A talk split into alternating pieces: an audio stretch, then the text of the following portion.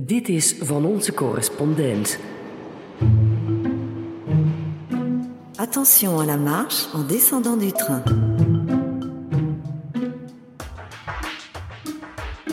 Welkom, mijn naam is Stefan de Vries, ik zit in Parijs en vanuit hier praat ik twee keer per maand met Nederlandse correspondenten in alle uithoeken van de planeet.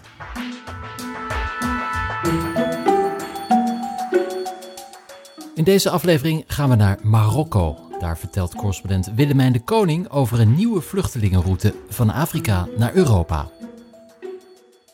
Een speciale gast is Olivier van Beemen, oud-correspondent in Frankrijk. En hij vertelt over zijn vijf jaar durende onderzoek naar de dubieuze activiteiten van Heineken in Afrika. En in dat gesprek zegt hij onder andere: Heineken heeft een belangrijke rol gespeeld bij de volkenmoord in Rwanda. Dat zo dus, maar we gaan nu eerst naar. Londen. This is Paddington. Change for the Bakerloo Line and National Rail Services. Het is tijd voor een Brexit-update. En daarvoor gaan we naar Anne Sane, correspondent voor RTL Nieuws en VPRO Radio in Londen. En dit weekend, over precies een half jaar, is het zover. Op 29 maart 2019, dan stappen onze Britse vrienden uit de Europese Unie. Ja, dag Anne, hoe kijk jij er tegenaan? Ben je nerveus? Nee, persoonlijk ben ik niet zo nerveus. Ik, ik denk, ja, als, als ik moet kiezen, denk ik toch wel dat er een handelsdeal eh, uit de grond gestampt wordt. Maar het is wel een cruciale tijd uh, nu.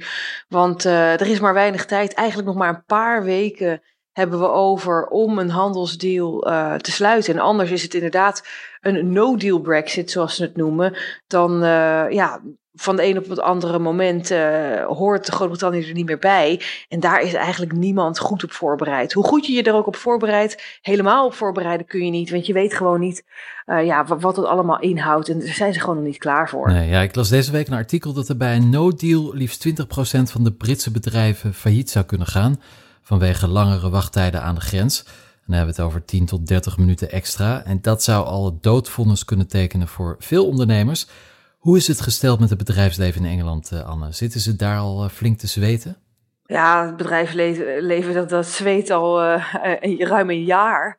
En, en, die roepen ook steeds om meer duidelijkheid, inderdaad. En ja, wat je zegt, het is, het is niet alleen de grenzen. Ik bedoel ook het vliegverkeer binnen Engeland, maar ook op het vasteland Europa onderling heeft te maken met Britse bedrijven of, of, of vliegmaatschappijen die in Groot-Brittannië um, gevestigd zijn en, en geregistreerd staan. En dus niet meer onder EU-regels mogen vliegen.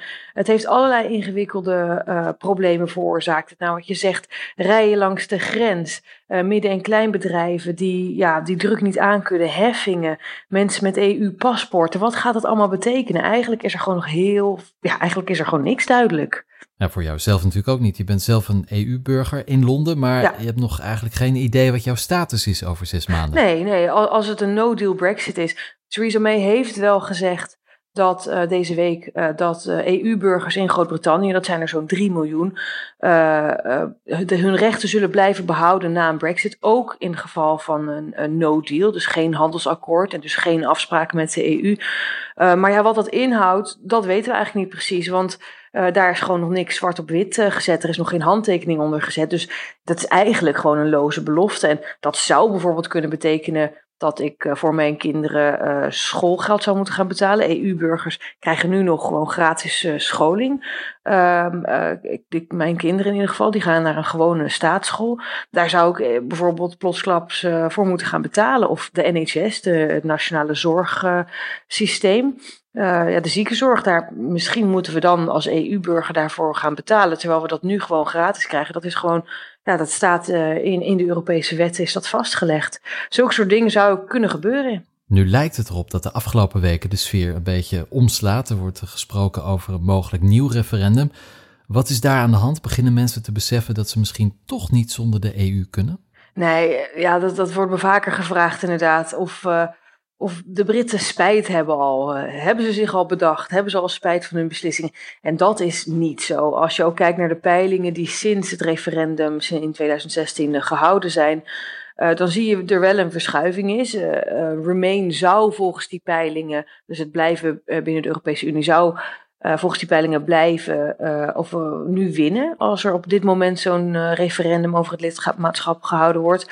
Maar die verschuiving is eigenlijk zo klein, ook zo nog fragiel is eigenlijk die meerderheid, dat je daar niet van op aan kunt dat dat, uh, dat dat ook echt de uitslag zou worden. Dus ja, een overtuigende meerderheid om binnen de EU te blijven is er nog steeds niet. Dat betekent nog steeds wel dat er 50% van de bevolking, ongeveer de helft, het niet eens is met zo'n Brexit. En ja, die roeren zich nu wel. Die demonstranten, die denken dit is de laatste kans voor ons om er toch nog voor te zorgen dat de Brexit op een zo goed mogelijke manier uh, wordt uh, uh, ja, afgerond.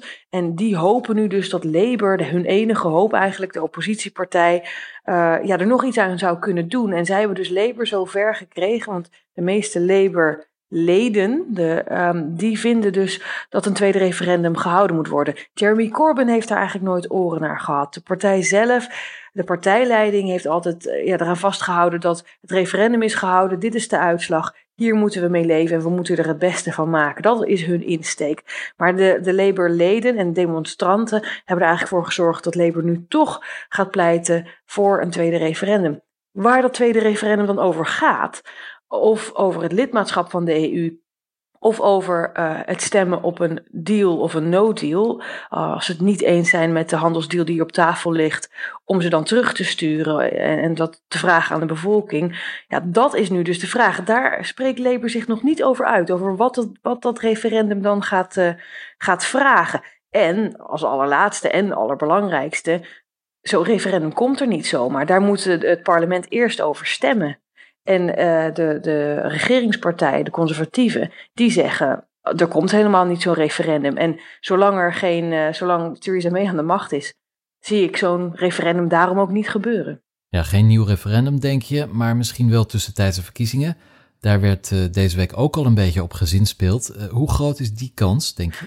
Ja, het probleem met heel Brexit is gewoon dat iedereen het niet eens is erover. Iedereen heeft een ander soort Brexit voor ogen. Binnen de Labour-partij is er oneenigheid, maar ook binnen de conservatieve partij van Theresa May. En ja, er is dus inderdaad zelfs binnen Theresa May's conservatieve partij een aantal hardcore Brexiteers, zoals je die noemt, uh, ja, die gewoon volledig willen breken met de EU zonder handelsdeal en daarna een heel soort losse relatie met de EU op willen uh, gaan, gaan zetten uh, na zo'n Brexit.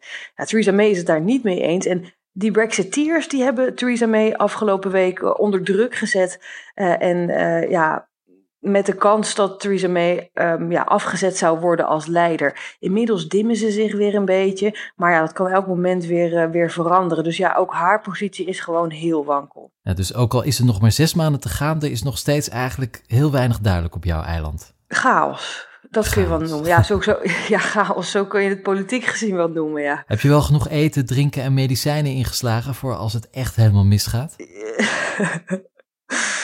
Ja, de regering schijnt dat wel te doen inderdaad. Blikjes bonen, daar moeten we op leven. Nou, begin dan maar vast met de hamsteren. Dankjewel, Anne Sane in Londen. De volgende halt is... Rabat.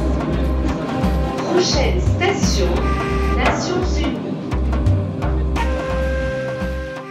We hebben het veel over vluchtelingen die via Libië in bootjes naar Europa proberen te komen...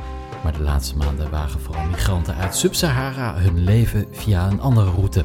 Ik praat erover met Willemijn de Koning. Zij zit in Rabat in Marokko en ze is daar correspondent voor onder andere de NOS, de VRT en het weekblad Knak. Dag Willemijn. Ja, de laatste tijd is de veel kortere route van Marokko naar Spanje steeds meer een trek. Vertel daar eens meer over. Ja, klopt. Ja, die grens staat echt uh, op springen. Um, want heel veel Afrikaanse vluchtelingen hebben gehoord over de slavenhandel die plaats zou vinden in Libië. Um, Italië en Malta hebben hun havens natuurlijk um, dichtgegooid. dus vandaar is die route hier, uh, ja, zijn die, zijn die migranten is die route zo populair geworden. Het is echt meer dan verdrievoudigd ten opzichte uh, van vorig jaar. Um, ja, wat gebeurt hier? Het, is en, het zijn en de immigranten die dus komen vanuit West-Afrika vooral. Denk aan Senegal, de Ivoorkust. Die dus via Marokko Spanje proberen te bereiken. Nou ja, Marokko heeft de opdracht gegeven van Europa, uh, van, van, van Spanje, om die grens dus te bewaken. Dus wat doen ze met al die Sub-Saharianen, hoe zij hier worden genoemd? Ze halen die eigenlijk uit het noorden. Dus wanneer zij plannen hebben om naar Europa te gaan, worden zij de, de immigranten worden daar in bussen um, eigenlijk gegooid. Ze worden daar gewoon op straat opgepikt. Um, de immigranten noemen het daar, uh, ze jagen op zwarte. Nou, hè, de, autoriteiten die gooien die in, in bussen. Soms worden ze zelfs uh, nog gehandboeid. Vervolgens worden ze gereden naar steden zoals Casablanca, Fez of meer nog in het zuiden. En worden ze daar eigenlijk gewoon gedropt met één lunch. daar zijn ook al uh, doden bij gevallen. Um, en, en vanaf daar gaan de immigranten bedelen. En dat zorgt ook weer voor um, spanningen daar op straat in die steden. En zo proberen ze met dat geld weer naar het noorden te gaan. Om vervolgens weer naar Europa uh, te gaan. Nou, dat noorden zijn ook nog eens Spaanse steden. Uh, dat zijn eigenlijk twee Spaanse enclaves die er zijn. Daaromheen houden zich ook op in de bossen. Rondom um, Ceuta en rondom Melilla. En daar komt de politie ook heel vaak. En um, ik heb dus uh, gesproken met de mensenrechtenorganisatie die daar uh, actief is um, in Nador. En die dus bij die bos is gaan kijken. Ja, laten we daar even naar luisteren.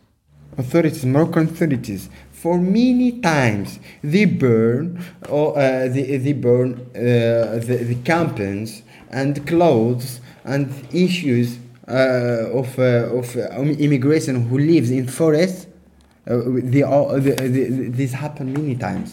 En hier zegt hij dus um, dat de politie naar die bossen uh, toekomt en die kampen die zij daar opgebouwd hebben, want ze houden zich daar dus maanden op om steeds opnieuw te proberen over die grenzen uh, uh, te gaan. Hier zegt hij dus dat, dat die politie dus echt binnenkomt in die bossen en heel die kampen verbrandt en vervolgens die, die, die immigranten dus meeneemt en weer in bussen gooit en weer in het zuiden afgooit. En zo zit een soort van kat-en-muisspel. En dat is het verhaal van die Sub-Saharianen. Hoe reageren de Marokkanen zelf op de situatie? Zijn er protesten tegen uh, al die immigranten uit Sub-Sahara? Nee, kijk, protest is, is een groot woord. Maar er waren bijvoorbeeld wel laatst um, spanningen, vooral in Casablanca. Want er zijn gewoon echt enorm veel Sub-Saharianen te vinden. Die allemaal weer bedelen om met dat geld weer naar boven, naar het noorden te gaan. En zo weer naar Europa te gaan.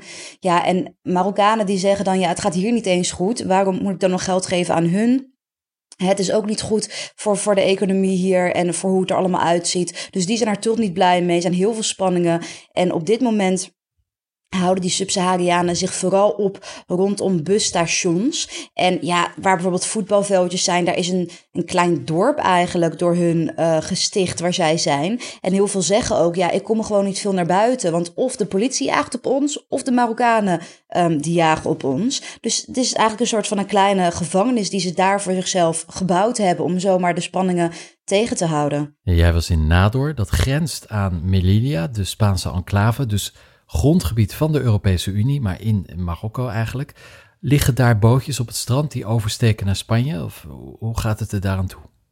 Ja, nou ja, die bootjes liggen natuurlijk niet uh, klaar. Uh, maar inderdaad, ik heb daar ook met een mensensmokkelaar gesproken. Um, en heel veel mensen die willen vertrekken, die zijn gewoon aan het sparen. Want het kost natuurlijk hartstikke veel geld.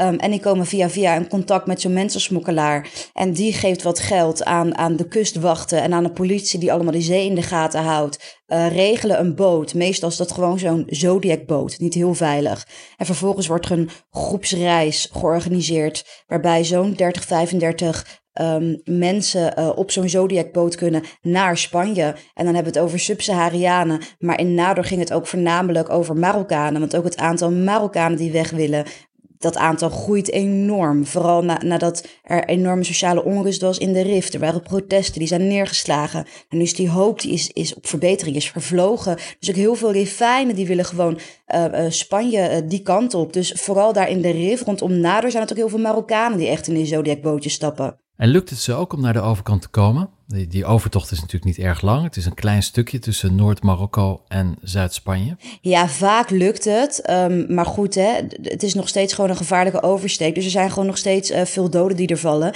Dit jaar al 350. Um, ehm, dus dat is natuurlijk allemaal, dat zijn allemaal onnodige doden. Nou, hoe gaat Europa daarmee om? Ik neem aan dat de Europese Unie samenwerkt met Marokko. Hoe staat het daarmee? Ja, Spanje en Marokko krijgen uh, geld om die kusten goed te bewaken. Um, maar Marokko trekt op dit moment echt wel aan een noodbel. En uh, gisteren zei uh, de, de minister van Binnenlandse Zaken nog... ja, ik, ik wil echt meer steun van de EU hebben. Um, want zij hebben hier hartstikke veel werk aan om um, al die um, mensenbendes, hè, die, die mensensmokkelaars, om die netwerken op te rollen. om dus al die immigranten die al in het noorden zijn, die weer in het zuiden uh, weg te zetten. Dus zij vragen wel echt veel meer geld en steun van de EU. Vooral nu die route eigenlijk gewoon op springen staat. Nu is er de laatste weken een raar fenomeen aan de gang aan de Marokkaanse kust.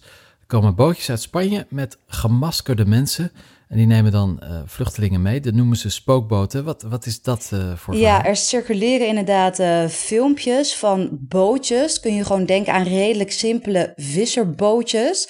Die dus aan de kust komen. Vooral plaatjes als Martiel, vlakbij de um, Spaanse enclave Ceuta.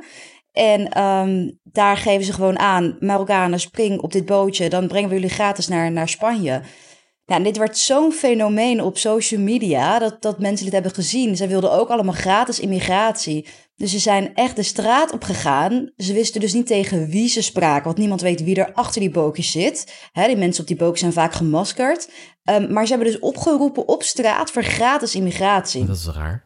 Echt, dan staan ze daar met honderden jongeren. Ja, ze staan met honderden jongeren en ze roepen alleen maar: Ik wil gratis immigreren, ik wil gratis immigreren. En ze vinden ook echt dat ze daar het volste recht op hebben, omdat, omdat ze hebben geen werk, uh, ze vinden dat ze onderdrukt worden. Um, dus, dus dat is natuurlijk heel, heel bizar. Um, laatst is het tot een, een ja, climax gekomen, wat niet goed afliep. Dus waarschijnlijk is daarmee het hele fenomeen uh, gestopt. Er is een, um, een boot langsgekomen. Dat was niet zo'n vissersbootje, maar echt wel een boot die eigenlijk bekend staat, die, die gebruikt wordt voor drugshandel. En, en deze boot die vroeg ook allemaal mensen op te stappen. Het is hier onduidelijk of het dan ook over gratis immigratie ging of, of het hè, dezelfde mensen waren die daarachter zitten als achter de eerdere bootjes. Um, maar in elk geval, de uh, Marokkaanse uh, kustwacht die heeft dat probleem gezien. Um, die zag dit dus ook, dat bootje, en wilde daarmee echt een eind brengen aan, aan, aan dit fenomeen. Dus heeft het vuur geopend toen uh, zij vroegen aan die boot om te stoppen, maar die boot dat dus niet deed. Um, en daarbij is dus één vrouw overleden. En zijn er nog drie gewonnen in het ziekenhuis uh, beland.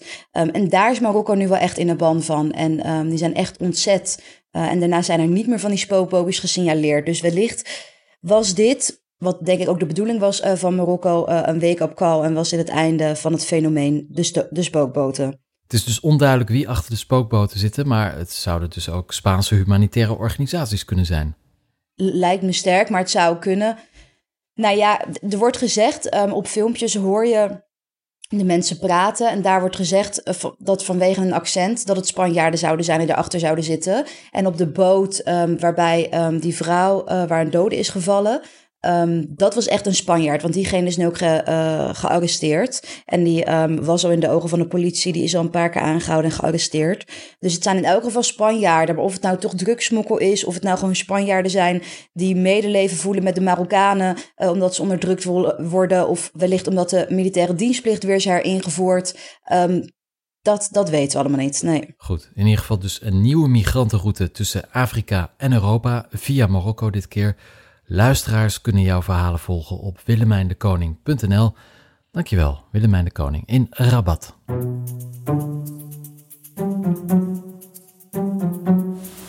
Overstappen voor de richting. Parijs.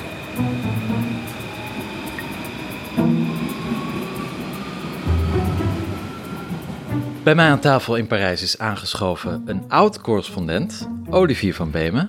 Welkom terug in Parijs, Olivier. Dankjewel. Hoe is het om hier weer te zijn? Nu, je, hoe lang ben je correspondent geweest hier Ik in Parijs? ben tien jaar correspondent geweest in Parijs, tussen 2002 en 2012. Ja. En het is erg fijn om weer terug te zijn, uh, moet ik zeggen. En uh, ja, erg blij. Ja, maar de reden waarom je hier aan tafel zit is jouw boek Heineken en Afrique is verschenen deze maand in het Frans. Het is vertaling van Heineken in Afrika. Um, en je andere boek Bier voor Afrika, het best bewaarde geheim van Heineken. Um, hoe is het ontvangen bij de Fransen? Ja, daarom ben ik ook uh, erg blij. Het wordt heel goed ontvangen hier. Uh, dat, um, meteen een goede recensie in uh, de toch wel gezaghebbende krant Le Monde. Veel interviews, veel radio, televisie. ik heb nog een kleine tour gemaakt langs een aantal Franse provinciesteden. Ik mag niet klagen. Vertel, eens hoe je op het idee van het boek bent gekomen. Want het gaat over, het is een heel lang onderzoek. Vijf jaar heb je onderzoek gedaan naar de activiteiten van Heineken in Afrika. Een bedrijf dat al eh, een eeuw, hè, geloof ik, actief is. Ja, het- meer dan een Af- eeuw Meer zelfs, dan een ja. eeuw. In heel veel Afrikaanse landen. Ehm, je kwam er eigenlijk eh, bij toeval op. Ja, Hoe ging dat? Dat stamt nog uit mijn tijd hier in Parijs. Toen, eh, toen wilde ik af en toe ook wel eens wat andere verhalen gaan maken. Die, de Franse nieuwscyclus gaat af en toe wel een klein beetje vervelen. Dat er weer een eh, nieuwe president is. En dat iedereen eventjes blij is. En dat ze daarna weer massaal de straat op gaan. Dus af en toe wilde ik wel weer eens eh, wat nieuws gaan doen. En eh, ja, het mooie is van een goede beheersing van de Franse taal dat je in theorie ook een heel groot taalgebied kan bestrijken. Dus ik heb af en toe ook wat verhalen in, in Afrika voorgesteld. Zo stelde ik aan het Financiële Dagblad, waarvoor ik toen werkte, ook voor om, ehm, om naar Tunesië te gaan toen eh, Ben Ali, de dictator, daar ten val kwam. Het begin van de Arabische lente en eh, de Arabische revoluties, zeg je nu meestal. Dus ik ben toen naar Tunesië gegaan, een paar verhalen gemaakt. En toen stuitte ik er inderdaad eh, een beetje bij toeval op dat Heineken daar ook überhaupt actief was. Was iets wat ik nog niet wist. Dus misschien ook niet het eerste wat je verwacht in een land waar merendeels moslims wonen. Dat, eh, dat een brouwerij daar, eh, een Nederlandse brouwerij daar ook heel actief is. En ik ontdekte toen ook dat Heineken in een partnerschap en een joint venture zat met een lokale zakenman die, ge- die gelieerd was aan de clan van, van Ben Ali, van de dictator. En op zich was dat, dat was een aardig nieuwtje, een, een nou, goede scoop voor het Financieel Dagblad. Op de voorpagina stond het. Het was eh, niet zo super groot nieuws tegelijkertijd. Want Franse bedrijven deden dat allemaal. En die zaten er vaak nog wel ietsje dieper in dan, eh, dan Heineken. Maar wat mij erg opviel was dat Heineken meteen heel erg defensief was. En eigenlijk ook glashard ontkende dat ze in een partnerschap zaten met, eh, met die man. Omdat hij deel uitmaakte van die clan. Dus eh, ze hebben eigenlijk vanaf het begin best wel hard tegen mij gelogen. En dat vond ik eh, ja, best wel een soort motivatie Ja. om eens te gaan kijken van... eh, het was zelf voor mij ook het moment dat ik ontdekte hoe groot ze eigenlijk in Afrika waren. Ja, en als journalist weet je natuurlijk dat als iemand iets ontkent met heel veel energie, dan, dan zit er. dan, Dan is er misschien we- wel gaan meer. door, Ja, ja, ja, ja. En dat deed je dus. Ja, ja, nou ja, toen, toen keerde ik terug naar Nederland, ruim een jaar later. En toen dacht ik van, eh, ja, ik wil wel weer iets, iets, iets moois, iets groots om handen hebben. En niet met andere, alle andere freelancers gaan, eh, gaan vechten om de kleine stukjes. Dus toen heb ik dit, dit plan bedacht en een eerste reis naar Congo gemaakt om te kijken of het, eh, of het ook echt interessant genoeg zou zijn. Of het, of het echt de moeite waard is om daar eens flink naar door te zoeken. En eh, nou, dat, dat bleek zo te zijn. En inderdaad, eh, twee boeken inmiddels in het Nederlands. En het tweede wordt nu ook vertaald in het, eh, in het Frans en het Engels. En hopelijk nog in andere talen. Ja, en wa- wat, ontdekte je toen je op je speurtocht ging door Afrika? Want je bent in heel veel landen geweest, hè? Ja, klopt. Waar precies allemaal? Ehm, Oké, in Algerije, Tunesië, Egypte, Sierra Leone, Nigeria, Ethiopië, beide Congo's, Rwanda, Burundi, Mozambique en Zuid-Afrika. Dat is een nou, lange lijst. ja, ja, ja, ja, ja. van noord tot naar zuid. Ja, ja alle landen waar Heineken eigen brouwerijen heeft, waar ze voor, de, voor, de, voor minimaal de helft zelf in zitten. Eh, vaak hebben ze ook lokale partners, maar dus elke brouwerij die minstens voor 50% van hun is. En nou ja, ik ontdekte, ik ontdekte heel veel schandalen eigenlijk. Heel veel eh, echt belangrijke dingen. Dat, eh, van fraude tot corruptie, tot belastingontwijking, tot seksueel misbruik eh, binnen het bedrijf. Dat, dat, soort, dat soort zaken allemaal. Maar ik denk dat het belangrijkste is, en voor mezelf ook het moment eigenlijk dat, dat ik eigenlijk zag van ja, dit zijn ook geen incidenten. Dit is gewoon, dit is een Beleid. structuur, dit is eh, beleid zelfs soms inderdaad. eh, dat, dit, dit ontstijgt ehm, het, het, het incidentele. En eh, dat was denk ik ook het goede van dat ik in zoveel landen ben geweest. Dat ik in veel landen dezelfde verschijnselen zag. En bijvoorbeeld ehm, samenwerken met, met, met autoritaire regimes gebeurt in veel landen. En bijvoorbeeld eh, een soort smeren van relaties door kratjes bier die best wel veel waard zijn bij, eh, bij de politie te zetten, bij militairen, bij politici, bij de juiste mensen zetten ze altijd wat kratjes bier neer om, eh, om gewoon even goed de boel te smeren, zeg Ja, maar. het is grappig, want in het Frans heb je het over een pot de vin hè, als, als smeermiddel. Ja, Dus, ja, potje, ja, potje wijn. ja, ja, maar Heineken ja, doet ja. het met een potje Kratje bier. bier. ja, ja, ja. en en dat levert ook resultaat op? Ja, dat, dat zorgt gewoon dat je goed kan functioneren in zo'n eh, in zo'n samenleving. Dat eh, als, de, ja, als je een probleem hebt, dat je gewoon de politie makkelijk kan bellen. En in sommige landen gaan ze zelfs zo ver eh, om ook bij de rechterlijke macht eh, kratjes bier neer te zetten. Ja, dat, dat helpt gewoon om daar normaal te kunnen functioneren. Ja. Ik Dus kan me voorstellen dat Heineken zegt, ja, dat is gewoon een rondje van de zaak. Hier is niks aan de hand. Ja, dat zullen ze waarschijnlijk ook zeggen hoor. En dit is ook niet het grootste wat ik, wat ik, wat ik heb. Maar goed, het is wel.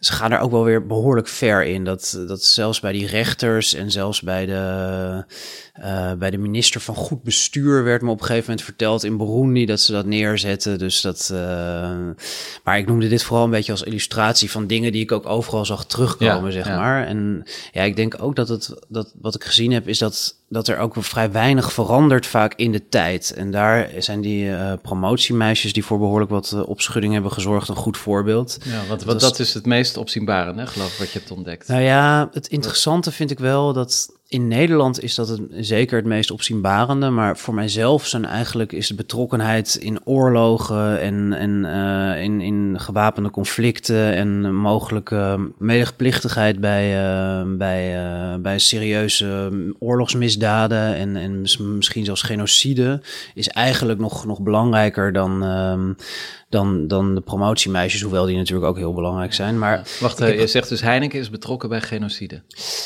ik denk dat? er goede argumenten Ja? zijn, eh, zijn te maken. Ja, kijk, om heel even die zin af te maken. Ik, ik denk dat in Nederland zijn die conflicten vaak een stuk verder weg. Nederland heeft niet echt een heel erg Afrikaans verleden.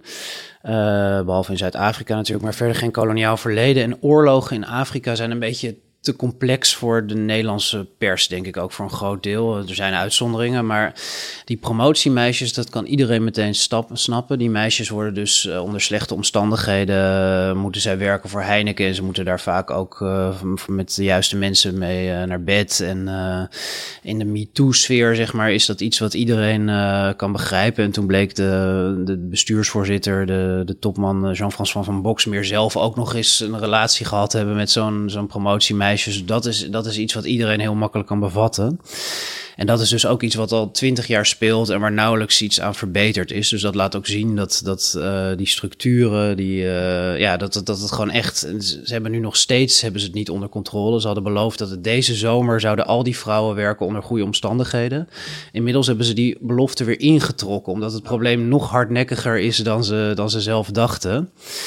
Ehm, maar ja, voor mij is dus inderdaad misschien wel nog opvallen, nog opmerkelijker, nog, nog, nog heftiger ook die betrokkenheid bij, eh, bij dat soort hele serieuze ehm, misdrijven. En nou ja, hoe het in die, die betrokkenheid bij, eh, bij genocide, mogelijk medeplichtigheid, dat zit zo dat Heineken is tijdens de genocide de hele periode door blijven brouwen. Dan hebben we het over welk Eh, land? 19 Rwanda, sorry. Rwanda, ja, ja. ja. Rwanda 1994. Ja.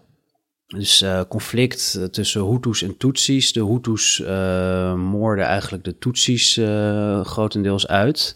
Die zagen ze als inferieur, als, als kakkerlakken werden ze bestempeld. En toen hebben ze een groot deel van de bevolking opgehitst om eigenlijk die, ja, van de, ook Hutu-burgers, zeg maar, om gewoon Tutsis te gaan vermoorden. Op hele primitieve wijze, dus vaak met, met hakmessen, met machetes noemden ze dat. Noemen ze dat nog steeds. En ja, om dat te doen, alleen al moet je gewoon, dat is fysiek ook echt een zwaar, eh, ja, dat, dat, dat, dat doe je niet zomaar. Dus er zijn ook beschrijvingen van dat eh, heel veel mensen waren dronken en die moesten wat hebben om, eh, om een beetje weg te zijn van de wereld. En daar speelde dat bier dus echt een belangrijke rol. Er zijn ook allerlei verslagen van en getuigenissen. Dus het bier van Heineken, Heineken was destijds monopolist. Dus het bier Primus heet dat, eh, dat speelde ja, echt een rol in die, in die genocide. En Heineken wist dat ook. Ik heb een Rwandese bron gesproken van Heineken die mij zelf is voorgesteld. En die echt zei dat, dat Heineken wist dat dat bier gebruikt werd eh, voor, eh, ja, voor moordenaars. En tegelijkertijd ehm, bleef Heineken ook belasting betalen. Dus dat was ook het, het regime dat die genocide uitvoerde, was, had, ehm, had een belang bij dat Heineken ook door bleef brouwen, omdat er dan eh, inkomsten binnen bleven komen. En om even duidelijk te zijn, ik zeg niet dat de genocide niet had plaatsgevonden zonder Heineken of dat, eh, dat, dat, eh, dat daardoor veel meer doden zijn gevallen of zo. Maar het is wel zo dat het product van Heineken heeft in ieder geval een rol gespeeld. En ik heb ook, uh, en Heineken heeft daar dus, is daar gewoon blijven verkopen. En ik heb ook mensen gesproken, ex-Heineken mensen, die zeiden dat als Heineken was gestopt, dat dat toch wel een invloed had kunnen hebben. Dat, hoe groot en, en wat precies, dat, dat, dat ça reste à voir, dat moet je nog maar zien. Maar Heineken had in ieder geval kunnen en waarschijnlijk moeten proberen om die brouwerij stop te zetten. En dat hebben ze niet gedaan. En ze zeiden destijds ook van, uh, zolang er vraag is, zolang er aanbod is, zien wij het probleem niet. Dus het was gewoon niets meer dan, dan een kwestie van... Uh, ja, ja, ja, van... Uh, en ik heb ook een lokale bron gesproken die zei van... Um, Heineken is niet het rode kruis. Dus uh, wij kunnen daar gewoon winst maken. Als je wat meer kan produceren, dan voer je de productie nog wat op. Dus zo werd het echt gezien. Het werd gewoon puur als een, een business opportunity gezien, zeg maar. En hoe reageert Heineken nu op die aantijging? Nou, Heineken heeft nu van jou? ineens een heel nieuw verhaal. Dat was ik zelf heel verbaasd over. Vorig jaar, na, na, na vijf jaar onderzoek, toen was het na vier jaar onderzoek, toen gingen voor, de eerst, voor het eerst gingen de deuren van Heineken voor me open. Ze hebben me altijd uh, buiten gehouden Ze wilden nooit met me spreken, maar ze zijn toen ineens radicaal van strategie veranderd. En toen begonnen ze zelf ineens met een verhaal over dat die brouwerij eigenlijk volledig autonoom was geworden. En uh, dat zij de controle waren kwijtgeraakt. En dat, um, ja, dat het geradicaliseerd personeel het had overgenomen en dat zij er verder niks meer aan konden doen. Maar het was heel makkelijk om dat verhaal eigenlijk te, te, te falsificeren aangezien de directie van Heineken, die zat net over de grens in, uh, in toenmalig Zaire. Dat, dat, zeg maar, die, die stad waar ze zaten, Goma, dat ligt vlak bij de stad in Rwanda waar de brouwerij staat. En een oud-directeur Afrika heeft er in, in, een boek over geschreven dat, dat er een dagelijks contact was tussen die directie van, van die expats van Heineken en de, de lokale technici. Dus er was gewoon heel duidelijk, Heineken was totaal de controle niet kwijt. Maar ze hebben daar gewoon, uh, ja, ze, ze, hebben er gewoon voor gekozen om door te brouwen. Dat, uh... ja. Nu uh, ben je in Frankrijk voor een mediatour. Heel veel grote media hebben al over je geschreven. Le Monde, de Nouvelle Obs, RFI, radiostation.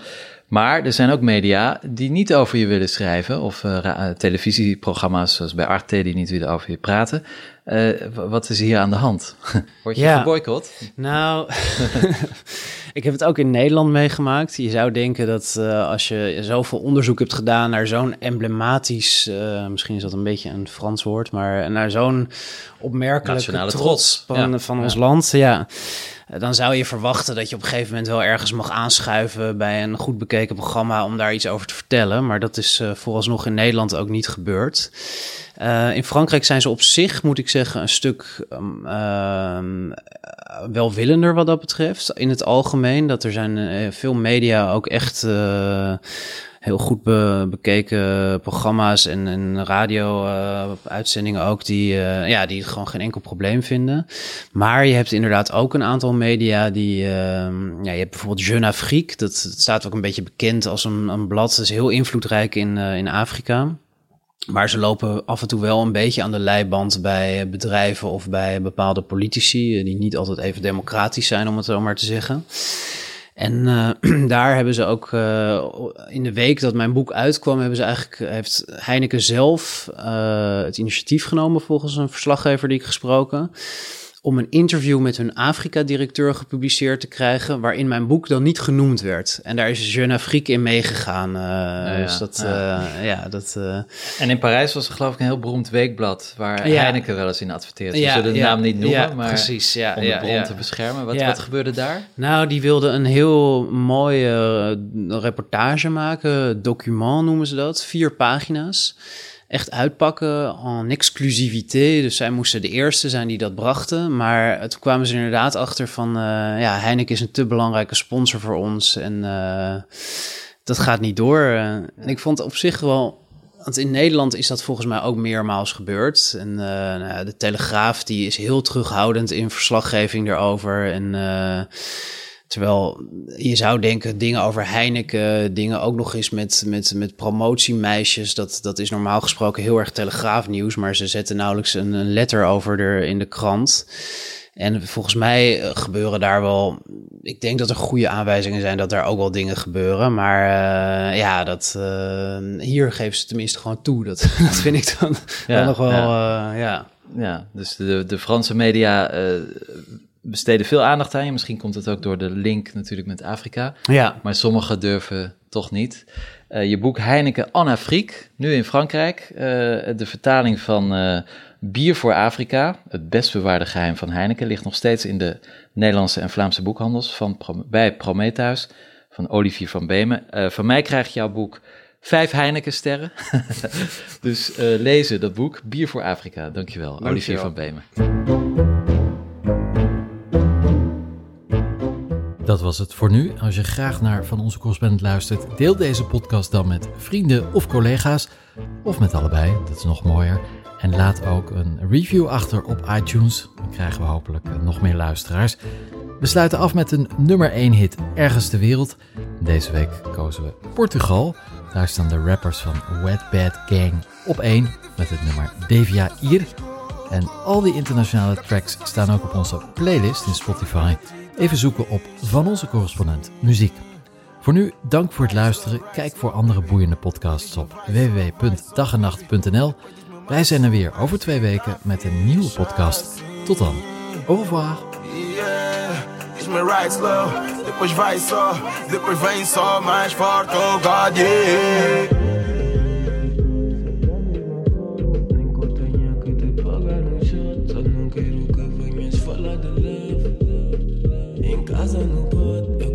Dit was van onze correspondent. U bent aangekomen op uw bestemming. Please remember to check out